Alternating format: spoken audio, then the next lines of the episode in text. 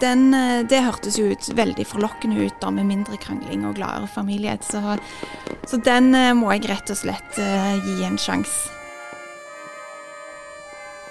Det nærmer seg 2022, og det er på tide å oppsummere og se framover. Jeg heter Åsmund Odnøy og sitter sammen med de sjelelige oppussingsobjektene Ingunn Øvrebø og Sofie Andersen. Sannsynligvis de to på Sølvberget som leser mest selvhjelpslitteratur. Og For ti måneder siden så satt vi her og snakka om selvhjelpsbøker, og vi bestemte oss for å gjøre en, en slags eh, årsevaluering da, ved slutten av året. Um, egentlig så var jo planen at det skulle skje klokka fem om morgenen, for det hadde dere lest i en bok at det var lurt å gjøre ting uh, såpass tidlig. Men den planen har jo røket med salutt, så der ble det ingenting av. Det er godt over lunsj på en fredag. Men uh, altså, det dere sa den gang, og nå er det litt sånn, nå skal jeg holde dere litt ansvar her. Sofie, du sa et mål for året var å få mer av gjennomføringsbiten i livet ditt. Har det skjedd? Litt.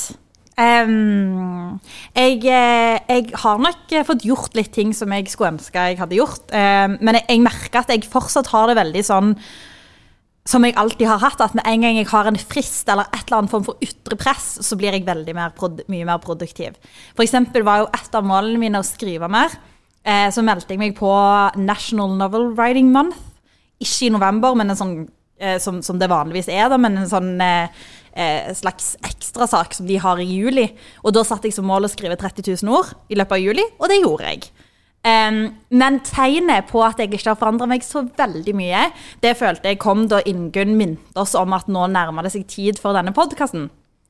For da sendte jo hun en e-post og sa sånn der Skal vi ha en sånn eh, eh, ny runde på selvhjelp, sånn som vi sa vi skulle ha tidligere i år?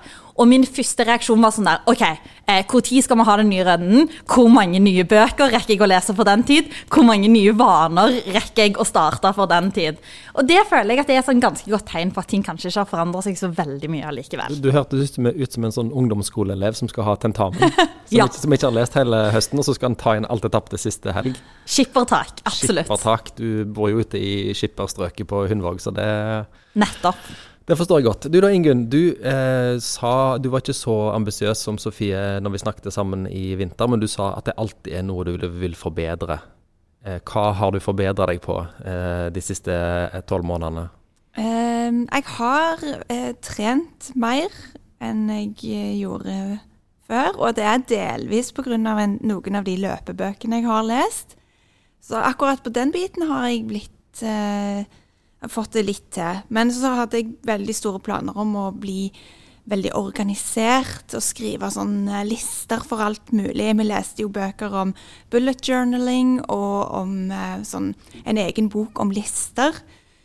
Og rydding, ikke minst. Eh, men der har det sklidd helt ut. Jeg lagde en sånn kjempefin almanakk der du eh, hver, for hver uke skulle jeg lage en sånn fin tegning eh, for å ha et sånn et, bare et lavt mål, men det sklei ut i februar, så Altså du begynte med Du lagde almanakken, sa du?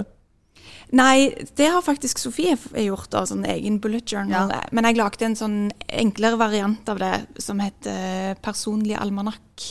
Eh, der man kan designe den sjøl. Så du velger hva slags lister du vil ha med. og hva du vil eh, skrive opp at du har gjort, osv. Hvor lenge skrev du i den? Altså, Det der dag for dag skrive opp planer, det har jeg faktisk gjort helt fram til nå. Men det med tracking og eh, logge hva du har trent og sånn, og, og, dette her med at jeg skulle tegne på noen av sidene, det har sklidd helt ut etter februar. Du er egentlig glad i å tegne, er du ikke det? Ja, det, det, så det må være et av målene for uh, eh, 2022, da. Å, uh, å få til en slags rutine på det. For jeg tror det er det. Du må ha en rutine, sånn at det blir gjort. Mm. For det er egentlig gøy, men det, det, er bare så mye annet man skal gjøre. Så mm. ja. Vi skal gå litt over på bøkene dere har lest, og hvilke bøker som har festa seg, og hva som ikke har festa seg så mye fra året som har gått. Um, kan begynne med deg, um, Ingunn. Du har en del uh, bøker foran deg om, med selvhjelp som du har lest i det siste. Ja. Eh, de som jeg ga høyest terningkast eh, av de jeg har lest i fjor, det er Audun Mysja, 'Kunsten å finne ro', og 'Tenk enkelt' av eh, Karina Paulsen.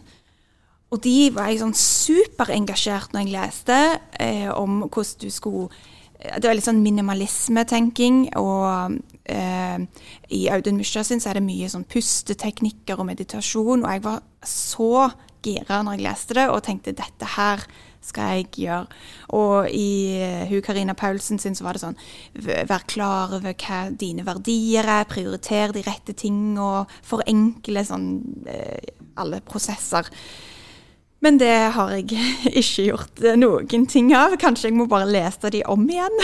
For det, fordi jeg likte de jo så godt. Det er merkelig at jeg ikke klarer å ta noe av det i bruk. Ja, for det er litt uh, ferskvare, dette selvhjelpskjøret. sant? At uh, du er veldig frelst når du leser de, og så dabber det litt av. Er det riktig? Ja, det er absolutt sånn det er. Uh, det er bare det vil liksom ikke feste seg. Det skal ganske mye til for å endre inngrodde tankemønster, tror jeg. Men det er jo ja, merkelig at, eh, eh, at det er så gøy å lese det allikevel. Og så får man litt dårlig samvittighet i ettertid når man ikke, klart, ikke klarer å følge opp noe av det som står der. Men jeg har jo òg en teori om at, en, at det faktum at vi leser så mye selvhjelpsbøker, gjør jo at vi på det jevne blir liksom litt bedre versjoner av oss sjøl enn vi ville vært hvis ikke. Fordi ja, du blir sykt inspirert med en gang, men dermed er du jo faktisk inspirert mens du leser de. Og jeg som f.eks. veldig ofte har eh, selvhjelpsbøker på lydbok, jeg kan jo ikke bare sitte på sofaen og late meg å høre på en selvhjelpsbok. Da må jeg jo rydde huset eller gå på en joggetur eller et eller annet. Så jeg, jeg føler liksom at den der kontinuerlige tilgangen eller kontinuerlige eh, oppsøkingen av selvhjelpsbøkene gjør at jeg kanskje er bitte litt mer effektiv enn jeg ville vært uten de. Men, men for, sier du at det, eh, det, kanskje har en litt annen effekt enn det bøkene sjøl forteller om? Altså, det er ikke det at du gjør det som står i bøkene, men du eh, rydder huset mens du hører på? Så du gjør noe bra, men ikke den bra tingen som det står om i bøkene? Ofte så står det jo om å rydde huset, da. Um, jeg, ikke, jeg føler at jeg blir veldig motivert av å høre på det. Jeg får veldig liksom, lyst til å være alle de tingene som boka forteller om. Og hvis jeg da på en måte lytter til dem og gjør ting imens, så blir jeg ekstra inspirert. da. Um, og i perioder der jeg holder på med en selvhjelpsbok, um, så skal det større Det skal mer til at jeg dropper den joggeturen, liksom. Uh, Riktignok ikke trent så mye denne uka. Jeg òg har dette året kommet ordentlig i gang med trening, eh, særlig siste tiden, og det er jeg veldig glad for. Eh, men siste uka har julestria tatt litt mer plass enn treningstida, så ja. Eh, jeg har jo lest et par økonomibøker. Eh, ja, Lemner ekorrhjulet, som ikke er oversatt til norsk, så jeg leste den på svensk. Og så en som heter Pengesnakk Eh, og når jeg leste de, så var jeg òg supergira på å spare mest mulig. Men etter hvert så syns jeg kanskje at den der sparingen det ble ikke så veldig koselig. Det er ikke en så koselig måte å leve på hvis du skal hele veien ha dårlig samvittighet for når du bruker unødvendige penger, hvis du skjønner. Så jeg er litt ambivalent der på hvor intensivt jeg har lyst til å gå inn for den der sparingen. Var det noen spesielle situasjoner som eh, gjorde at du mista litt piffen på sparingen? Kan du huske noen eh, ganger hvor du liksom tenkte at dette her er ikke så gøy?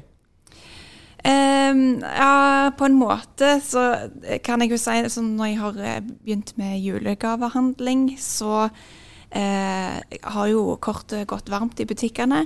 Og da syns jeg, for å være helt ærlig, så syns jeg det var litt gøy å bare kjøpe det som de ønskte seg, uten å tenke over pris. Og eh, når jeg da kom over noen ting som jeg òg sjøl fikk lyst på, så var det sånn ja, en liten julegave til meg sjøl, det er helt greit. Når jeg samtidig har sittet i månedsvis og leita etter det samme på Finn og på Tice, etter sånn brukt, og lagra lister og vurdert prisen, bør jeg kjøpe dette her, så var det bare en sånn befrielse å bare gå i butikken og bare kjøpe det mm -hmm. til full pris. Men var det fordi at du har eh, spart så mye penger, da? At det var gøy å kjøpe det? Hadde du liksom jobba godt, og så fikk det sin utløsning i at du eh, spanderte skikkelig på deg eh, når det var jul? Altså, jeg har ikke jeg har, jeg, Det er sjelden sånn at det går tomt på kontoen rett før lønning, hvis du skjønner. Men så jeg, altså Jeg tror kanskje det er det som er problemet, at jeg har ikke noe sånn veldig ambisjon med den der sparingen.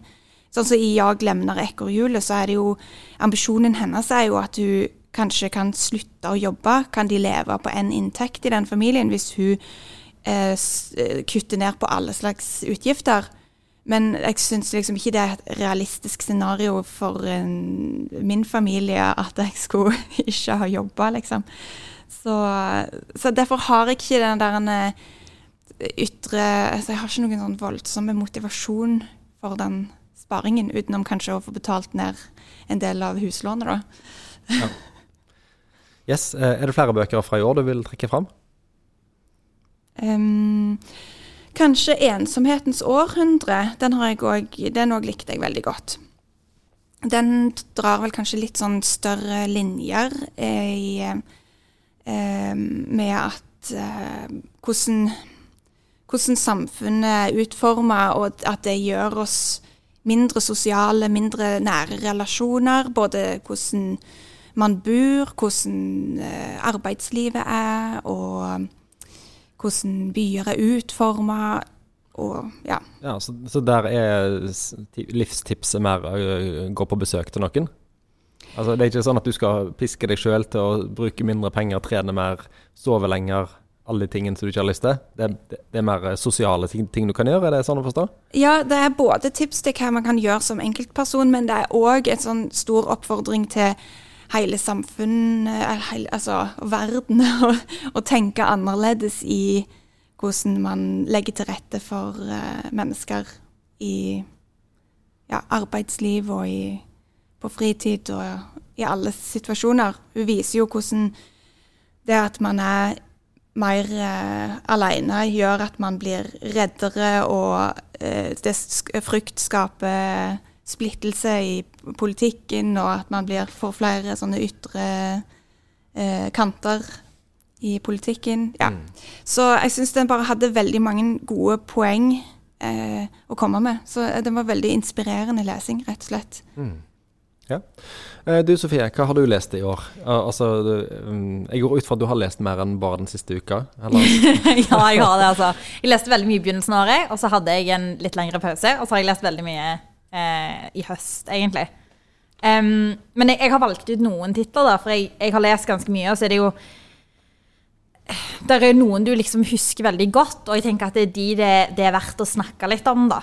Um, og da er det særlig nå nettopp faktisk lest ei bok som heter 'Bad Habits, Good Habits' av Wendy Wood.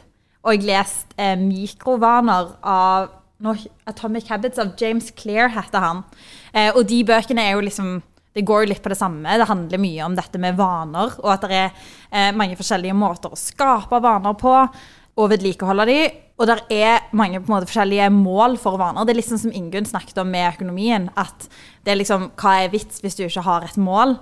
Ofte så disse vanene Der er jo et mål, men jeg Nå tolker jeg litt sjøl òg, men det er òg litt det de snakker om, at du, det holder ikke bare å ha målet, liksom.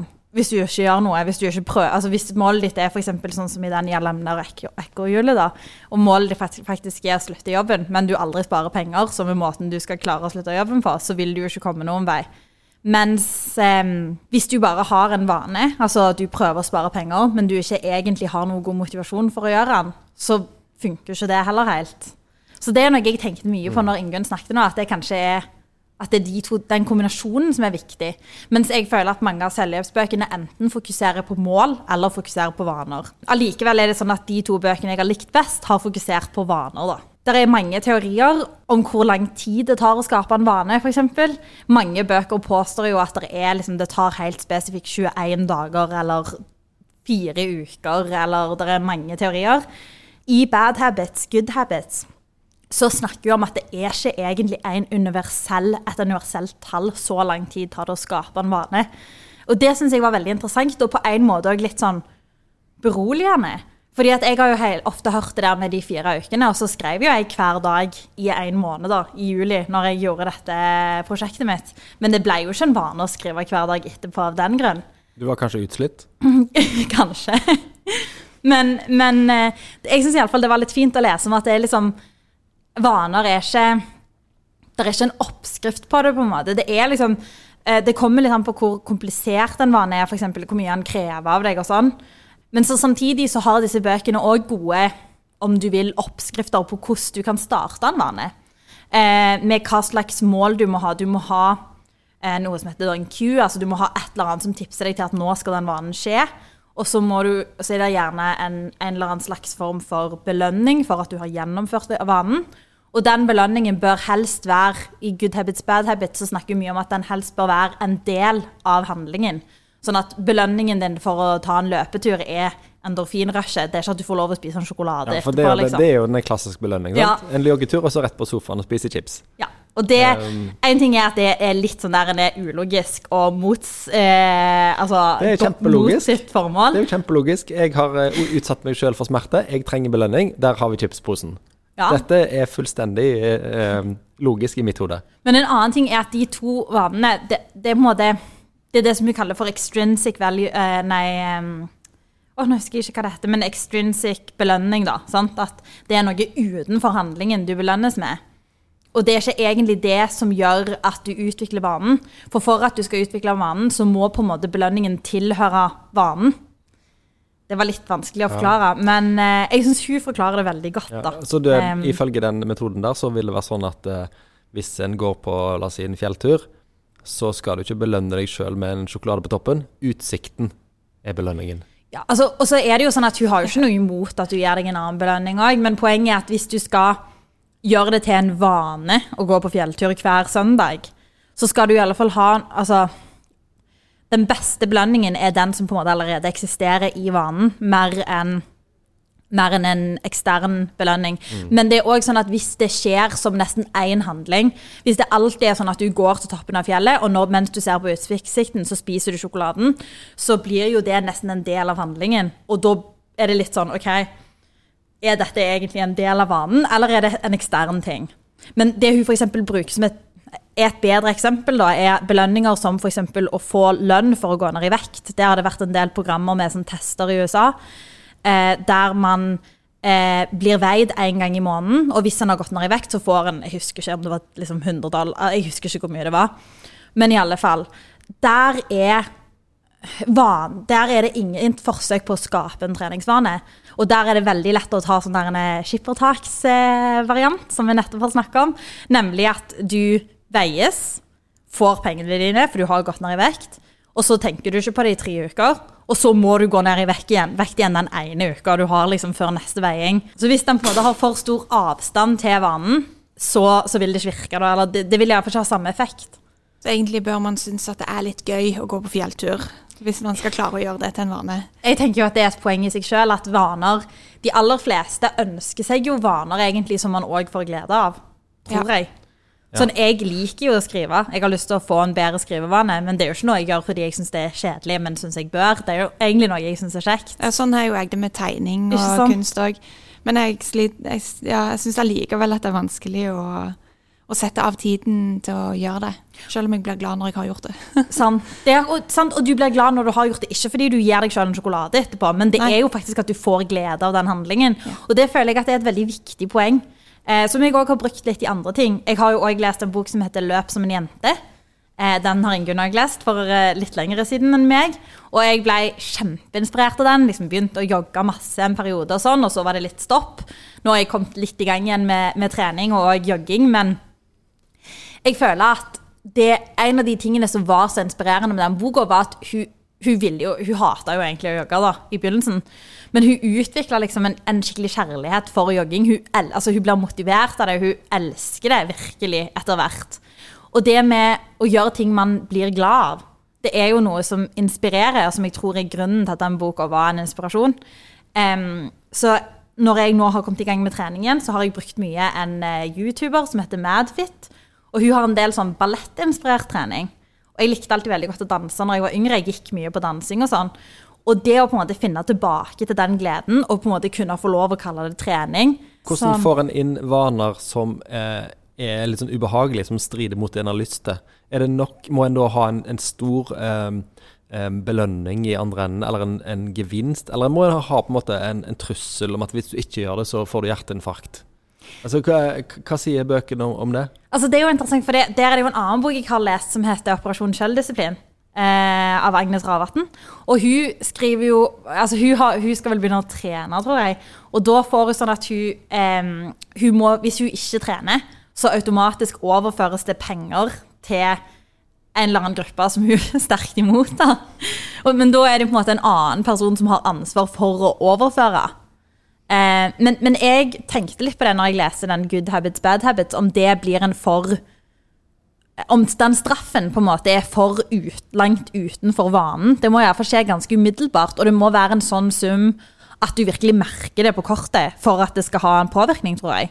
Ja, Men det du, det du, sier nå, er at det å bare vite at noe er riktig å gjøre, det er ikke nok til å få oss til å begynne med det? Jeg tror ikke det. Jeg vet ikke. Og jeg tror ikke de sier Altså, de snakker mye om å utvikle vaner og på en måte forskjellige måter å gjøre det på. Men jeg tror på en måte at mange, altså mange, de bøkene jeg har lest eh, om vaner, da, de er veldig akademiske, og det er mye sånn tester som er gjort på liksom, rotter og alt mulig, og mennesker. Eh, og jeg tenker at selv om de prøver å få det så likt som virkeligheten som mulig, så er det kanskje mange av de vanene som ville vært mye vanskeligere å innføre hvis du ikke hadde en person over deg som på en måte styrte at du skulle utvikle de vanene. Så hvis du skal utvikle en veldig vanskelig vane, så kan det være at du i alle fall trenger hjelp på en måte fra andre. Og det, ja, det, skriver de litt om òg, det med støtte da, fra familie og ja. Mm. Ok, Har du flere bøker du vil dele dele med oss fra året som har gått, eh, Sofie? Vi har jo snakket eh, litt om organisering, og jeg har jo lest en bok som heter Bullet Journal-metoden.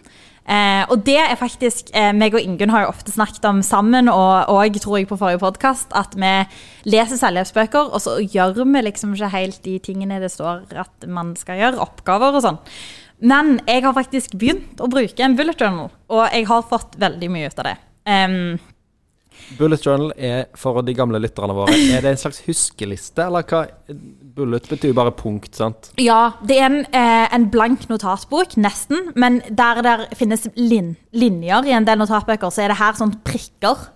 Og poenget er på en måte at du står veldig fritt til å kunne bruke den som du vil. At Den skal ikke være lineært, for da kan du ikke f.eks. tegne igjen hvis du plutselig har lyst til å sitte og tegne. Eller, men, men, samtidig så, så, har han disse prikkene som gjør at det er litt lettere at ting blir beint. og det er litt, ja. Eh, men poenget Det er på en måte det som selges som en bullet journal i butikken. Men poenget bak metoden, og den egentlige grunnen til at det heter bullet journal-metoden, er at eh, man bruker noen sånne punkter. Altså man, man, setter en prikk ved siden av et eh, ved siden av en setning eller et stikkord, og alle, eh, alle symbolene i boka begynner med en prikk. på en måte. Men hvis det er en oppgave du skal gjøre, så er det bare en prikk. Akkurat som når du lager et, eh, et punkt foran, sånn som når du lager en liste som punktliste. Du begynner med det, og så skriver du f.eks. 'les til podkast'. Og når du er ferdig å gjøre det, så krysser du. Du tar utgangspunkt i den prikken og setter et kryss. Da er du ferdig med den oppgaven. Eh, og ideen er at med utgangspunkt i denne prikken, så kan du òg f.eks. lage en pil, utsette oppgaven.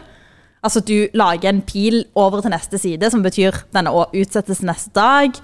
Eller du kan lage en sirkel, som betyr at istedenfor en oppgave er dette en avtale. F.eks. spill inn podkast. Men, men, hvorfor eh, er det et poeng her at dette er fysisk? Jeg kan jo gjøre alt dette her på mobilen min. Ja, det er et poeng at det er fysisk. Eh, jeg vet at han skriver om det, men jeg klarer ikke helt å huske akkurat hva han skriver om det. Men han mener liksom at det er en del av poenget at det skal være i en fysisk bok. Og systemet er jo òg lagt opp sånn at du utvikler det underveis.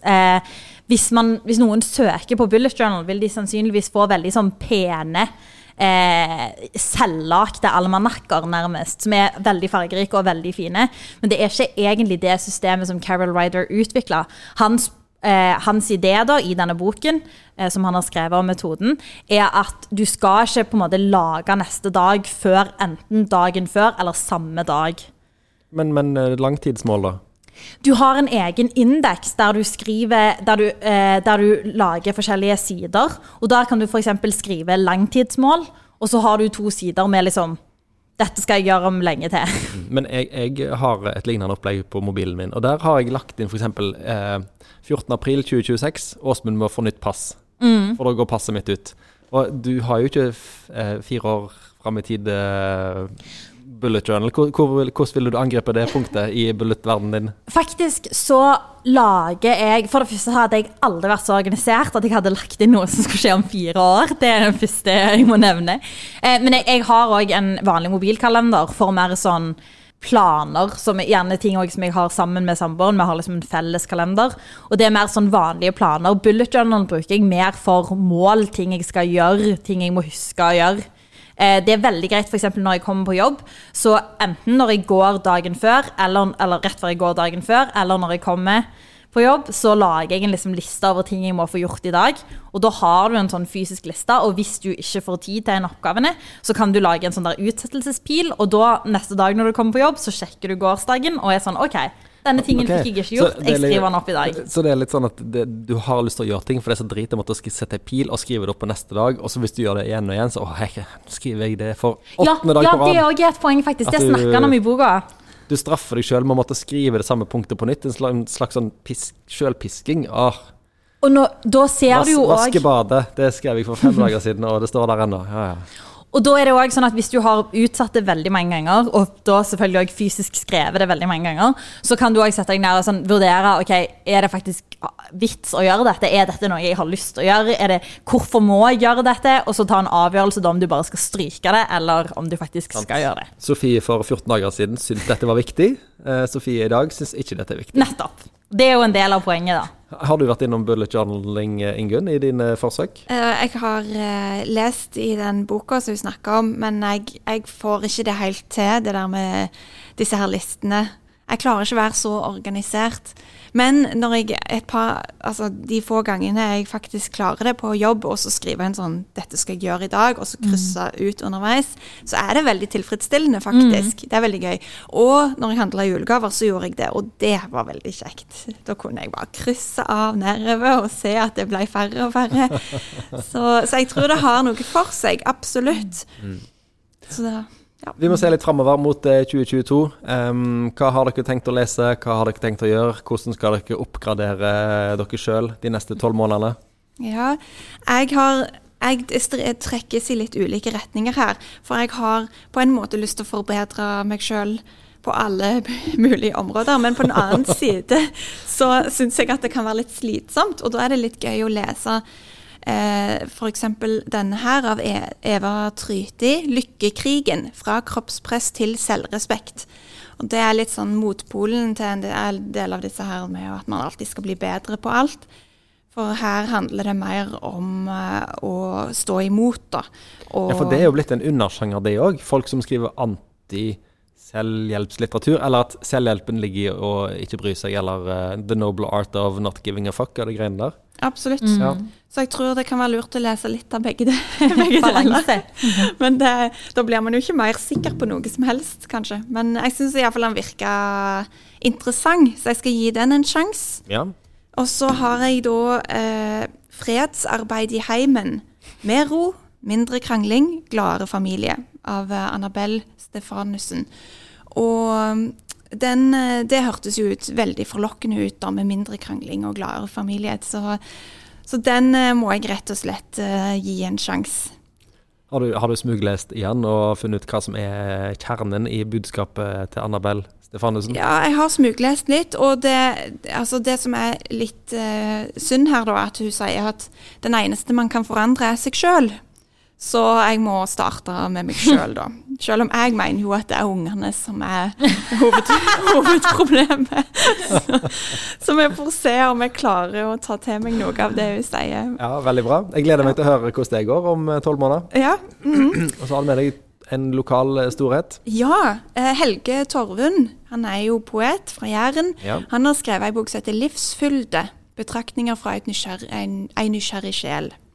Og den tror jeg man må ha, være litt sånn på rett sted eh, for å lese. For jeg tror nok du må Kanskje i julen, hvis jeg klarer å finne roen, eh, at jeg kan eh, sitte og kose meg med den. For jeg ser for meg at han bruker et veldig godt språk, at han har fine sånn eh, Filosoferer litt i ulike retninger. Så man må ha litt roen på seg for å, for å lese det. Men jeg er, in- er spent på hva en klok gammel mann kan gi meg eh, i dette her selvhjelpshysteriet. Eh. Ja. Og den eh, svarte boka du har, hva heter den? Ja, du, det er noe helt annet. Eh, eh, Snille Gucci kaller hun seg.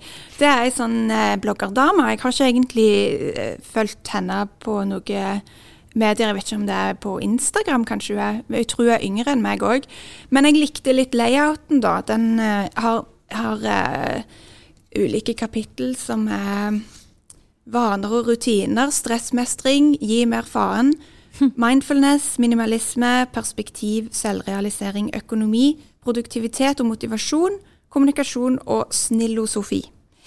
Eh, og så er det mye sånn små punkter og eh, eh, sånn eh, ja, eh, quotes og sånn. Men det er òg lagt inn at du kan skrive i denne. Nå skal ikke jeg gjøre det siden dette er bibliotekets bok, men hvis man kjøper den sjøl i julegave, eller noe sånt, så er det liksom lagt opp til at man kan gjøre egne refleksjoner i den. Men bare vis meg inn igjen. Er det, liksom, er det to spalter med tekst? Og er det, er det alt mulig slags eh, form for tekst i denne boka? Ja, hun skriver eh, I hvert kapittel så har hun litt, eh, gjort litt research, så vi får noen eh, forskning og navn her. Men så er det òg hennes egne betraktninger og, og tips til hvordan man kan F.eks. i minimalisme, da. Hvordan man kan forenkle uh, klesskapet sitt. Eller ja, sånne helt konkrete ting.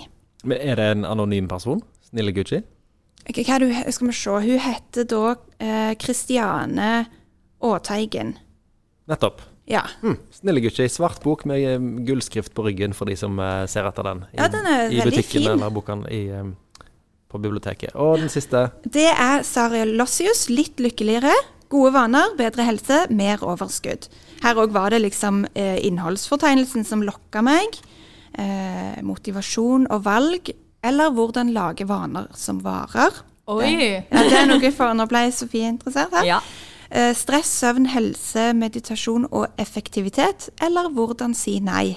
Så sånn er alle, alle kapitlene utforma med Ja.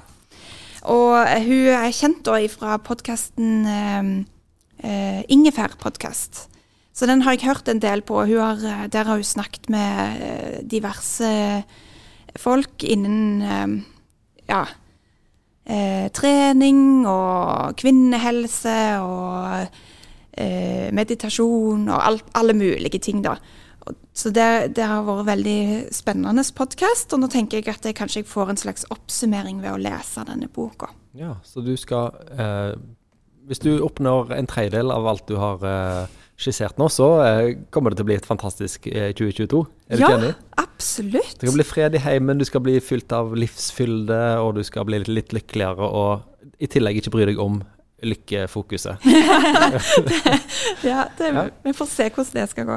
Ja, nei, gleder meg til å høre om det. Um, Sofie, hva har du på lesemenyen når det gjelder eh, selvhjelp 2022? Aller først så må jeg si at du har glemt en viktig ting her, og det er at Ingunn og, og jeg kan oppnå hele planen vår for leselista, men det er ikke synonymt med at vi oppnår å få til de tingene som står i bøkene. Det har vi lært, tror jeg. Men em, eh, en annen ting jeg bare måtte si når jeg hørte nå, at det er veldig gøy hvor variert selvhjelpslitteraturen faktisk er, som vi ser veldig godt i utvalget Ingunn har tatt.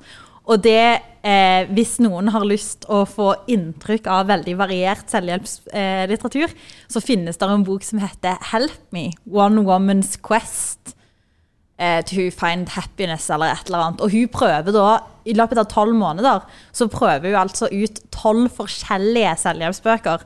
Og det er så enormt motstridende. Den ene måneden så skal hun eh, sjekke bankkontoen sin hver dag, for, eksempel, for å ha stålkontroll på økonomien.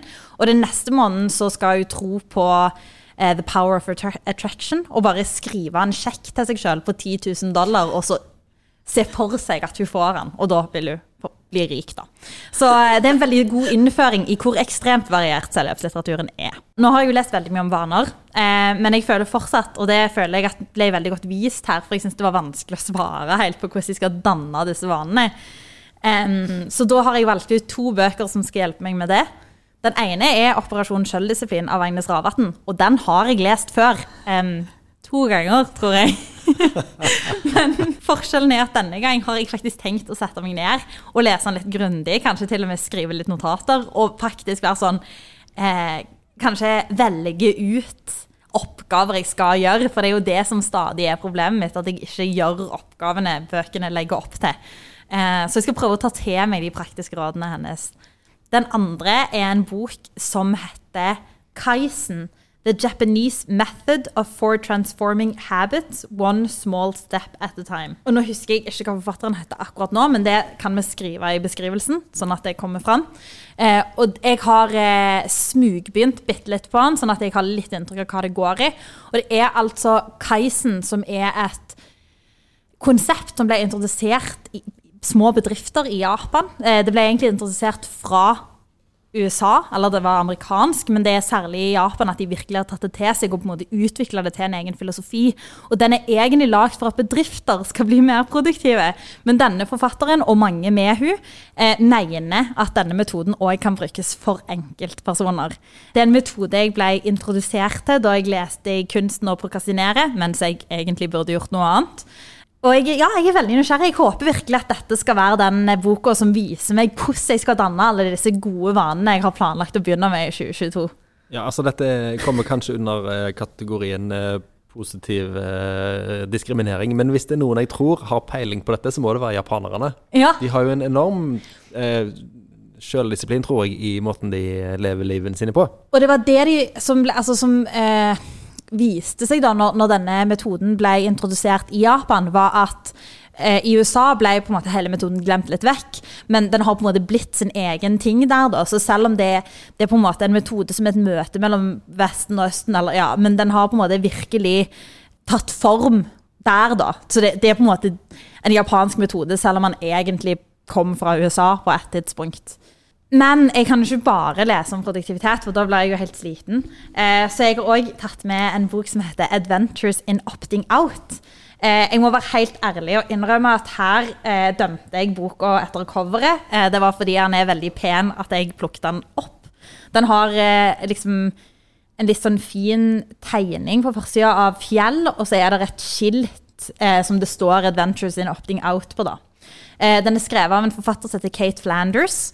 Og hun har veldig tro på når man leser tittelen, er det lett å tenke at det er liksom å slutte å gjøre digitale ting, f.eks.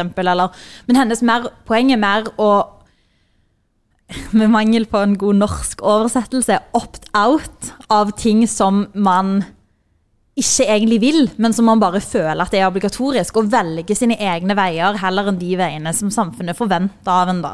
Ja, Du skal ikke bare flyte med strømmen? Nettopp. Du skal være mer bevisst på hva du gjør. Og hun, eh, basert på det lille jeg har lest, så virker det som at hun ender opp med å dra på en slags fjelltur. Så jeg fikk jo straks assosiasjoner til boka 'Wild' av Terrell Strade. Strayed. Men, men jeg tror at den handler om på en måte noe som kanskje er litt lettere å ta inn i hverdagen. fordi at Poenget hennes er ikke at man på en måte må legge alt på hylla og dra på en fjelltur. Det er bare at man må velge den tingen som man eh, Ja, velge sin sti, da, om du vil. Nettopp. Mm. Og så har du ei bok til slutt som har et, og et engelsk ord som eh, kanskje ikke er så lett å oversette til norsk?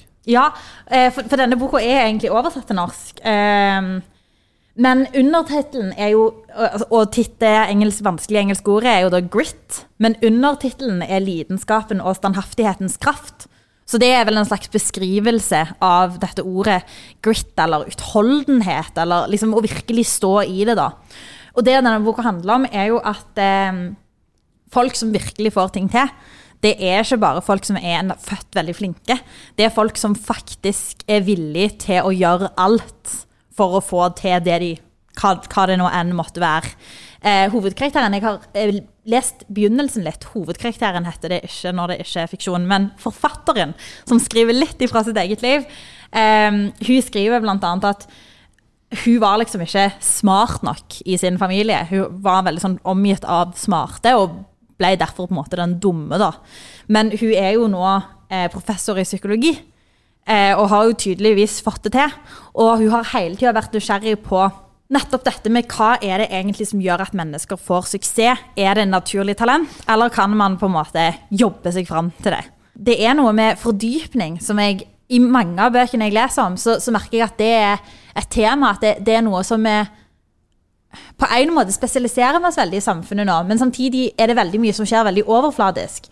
Og det med fordypning er veldig viktig. Det er òg noe som Gretchen Rubin snakket om i det boka som både meg og Ingunn har lest. The Happiness Project, eller husker du hva den heter på norsk? Ja, Lykkeprosjektet. Lykkeprosjektet. Ja, Den var veldig fin. Ja, det er gøy når det er liksom litt personlig skrevet. Det syns jeg òg. Da blir det underholdende lesing.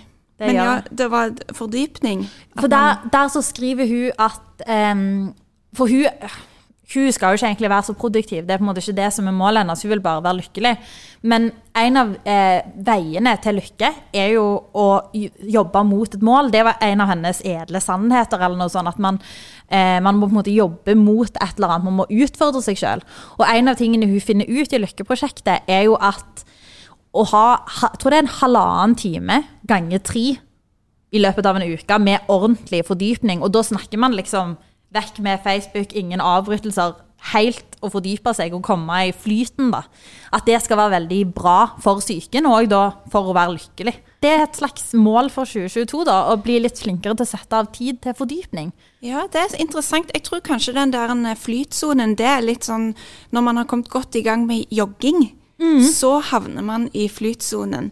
Ikke så, ikke så mye at man kan springe maraton, altså, altså, og ikke en og en halv time kanskje, men, men eh, det er litt den følelsen når man kan eh, løpe en halvtime, time, og bare være i det.